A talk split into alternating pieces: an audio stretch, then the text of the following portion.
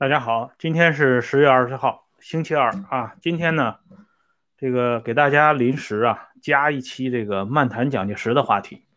昨天我就开始跟大家说啊，陆陆续续咱们会搞一些这个呃关于蒋介石的这些小话题，一点儿一点儿啊来向大家介绍蒋介石这个历史人物。因为这个历史人物尘封太久，那他的很多事情呢。呃，都没有真正的进入到大家的视线之内，或者说以往的蒋介石的形象并不是一个真实的蒋介石。那么今天要给大家讲的是蒋介石跟冯玉祥说一句对不起。那么我们经常说没有对比就没有伤害啊，这蒋介石跟他的老对手毛泽东这两个人一经对比，我相信呢，大家的这个直观印象就会非常清晰。先给大家看一下冯玉祥的日记，就是说蒋介石因为什么跟冯玉祥说对不起？这个事情发生在抗日战争时期，就是一九三九年二月十号这一天呢。冯玉祥在上午一直在给这个蒋介石写信，到了下午五点的时候，啊，他去见蒋介石。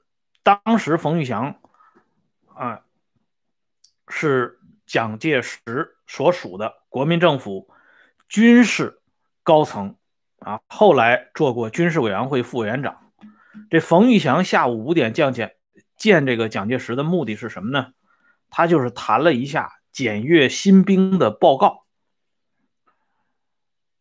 因为这个报告呈递上去以后，蒋介石一直没有批示。这是二月二月二号啊呈递上去的。啊，这个日记记载的呢是二月十号，就是已经过了一周多一点的时间。蒋介石这方面呢没有任何意见，所以冯玉祥把二月二号国民政府军事委员会给他开具的收条给蒋介石看了，说：“你看，我八天之前就已经把检阅新兵的报告呈递上来了，可是为什么直到今天啊，委员长还没有做批示呢？”蒋介石一看。啊，这冯玉祥日记当中的原文是这么写的：蒋先生很难过，屡说对不起，就是反复说对不起。要知道，这冯玉祥跟蒋介石这一辈子啊结的仇是太大了。两个人最初从这个盟兄弟，到最后这个价值观完全不同的这么两条道上跑的车。即便是在抗日战争合作的时候，其实也是同床异梦，因为那个时候的冯玉祥已经开始全面左转，他身边的这些人员，像我给大家说的王野秋啊，包括文人吴祖湘，其实都是左倾的。但是对这样一个人呢，蒋介石就事论事，仍然屡次说对不起。那从这个例子里边，我们就可以想到毛泽东当年的那句名言。毛说过这样一句话：“我是从不下罪己诏的。历史上凡是下了罪己诏的，都是要亡国的。就说他从来不会承认自己的错误。啊，当年这个李富春关于国家纪委的报告，在大跃进时期，专门请毛批阅，毛签字，啊批准。最后这个事情呢，出了事情以后，毛泽东第一个。”把这个屎盆子扣在冶金部部长王鹤寿的脑袋上，说王鹤寿有男女生活作风问题，说此公不爱江山爱美人啊，说的是实话。问题是王鹤寿的男女作风问题跟这个钢产量出现重大失误，他这两者之间有关系吗？没关系啊。哎，王鹤寿呢，首先替这个领袖顶第一个雷，然后第二个雷呢，让李富春来背。毛泽东说：“李富春是强迫签字，啊，就是你不签字不行，你必须签字。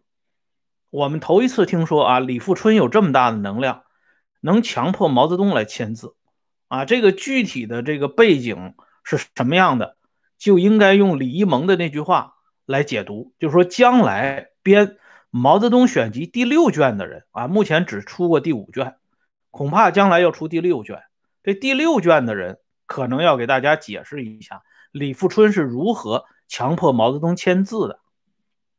当初毛泽东说邓子恢啊，说邓子恢啊跟我说话不让我插嘴，我听他说了一个多小时，就是听训。后来薄一波总算说了一句公道话，薄一波说：“谁敢训他呀？只有他训我们，我们谁敢训他？”哎，而且从蒋介石对冯玉祥的这个态度啊，对不起。有了错误，承认错误，说对不起，就这一点，在领袖身上，在咱们这个伟大领袖和革命导师身上，也从来没看见过。当年这个三年所谓三年自然灾害最严重的时候，刘少奇跑到游泳池去见毛泽东，说人相识要上书的。毛泽东说：“你有什么了不起？我动一个小手指头就可以打倒你。”这样的话呢？甚至后来被写到了文化大革命当中的社论当中，啊，这是公开讲的话，就说他和上下级之间的关系就是这么样，所以你很难看到说蒋介石对何应钦说：“我动一个小手指头，我就可以打倒你何敬之。”没没听说过，哎，这就是毛为什么能拿到中国的天下的原因，哎，毛泽东不讲吗？革命。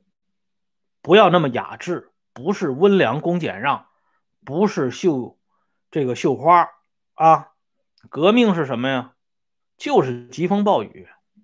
哎，我们再来看一个日记啊，这是唐纵，原来军统局的帮办，后来担任过国民党中央执行委员会秘书长。唐纵留在大陆的一个日记，这是发生在一九四二年四月二十九号这一天。唐仲啊，这个当时正好是邱清泉约他和陈少平，就是军统的骨干，他们一起出去吃午饭啊，然后坐陈少平的车出大门，结果他这个车呀开到马路上的时候，恰好是蒋介石的车后门从后门向由东向西疾驰而过，这两个车刮上了。嗯，没错。正如老弟所讲啊，这两个车几乎相撞，彼此呢吃了一惊，不胜惶恐。这是唐仲的原文啊，不胜惶恐。然后惊动了宪兵司令和李铁汉，他们追查之后发现呢，是唐纵、陈少平和邱清泉他们坐的这这辆车造成的。没有别的意思啊，就是无意当中冒犯了委员长的尊严。这个唐仲写的是心时不安，饭后即作报告，自请处分。啊，铁汉说不必，也作罢了。铁汉指的是李铁汉。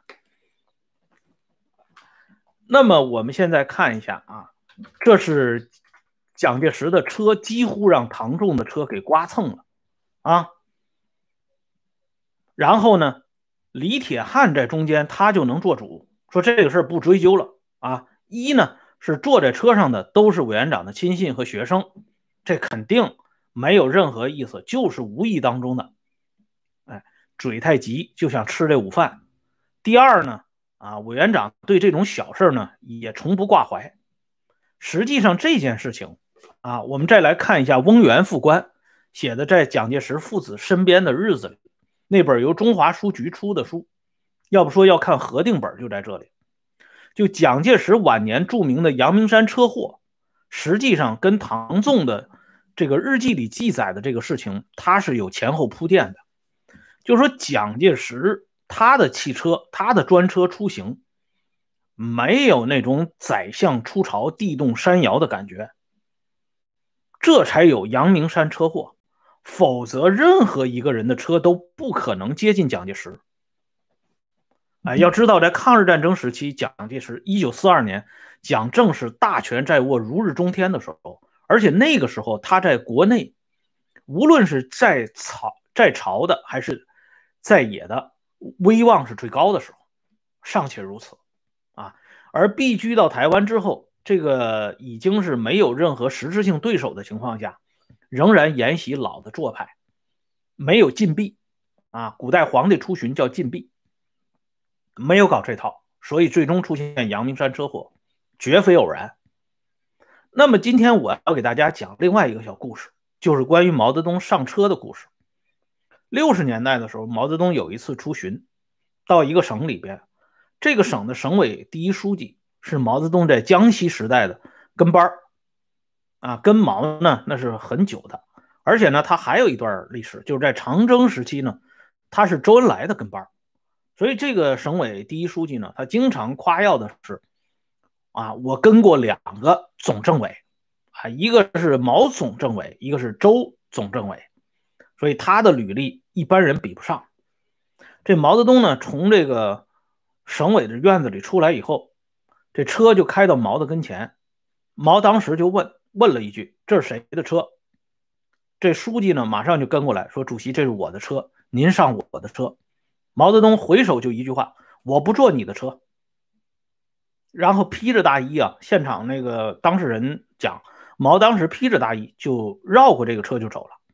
这书记啊，那汗当时就下来了，慌了，不知道什么意思。哎，然后赶紧调其他的车过来，临时调一台别的车过来，当然就不是红旗轿车了，是另外一个上海牌轿车过来。然后毛泽东进进到那个车里开走了。这书记啊就懵了，然后他就找毛泽东身边的人了解，啊，找到汪主任，汪主任就直接告诉他一句话，他说：“主席不高兴了。”这个省委的一把手就问汪东兴说：“那主席为什么不高兴？”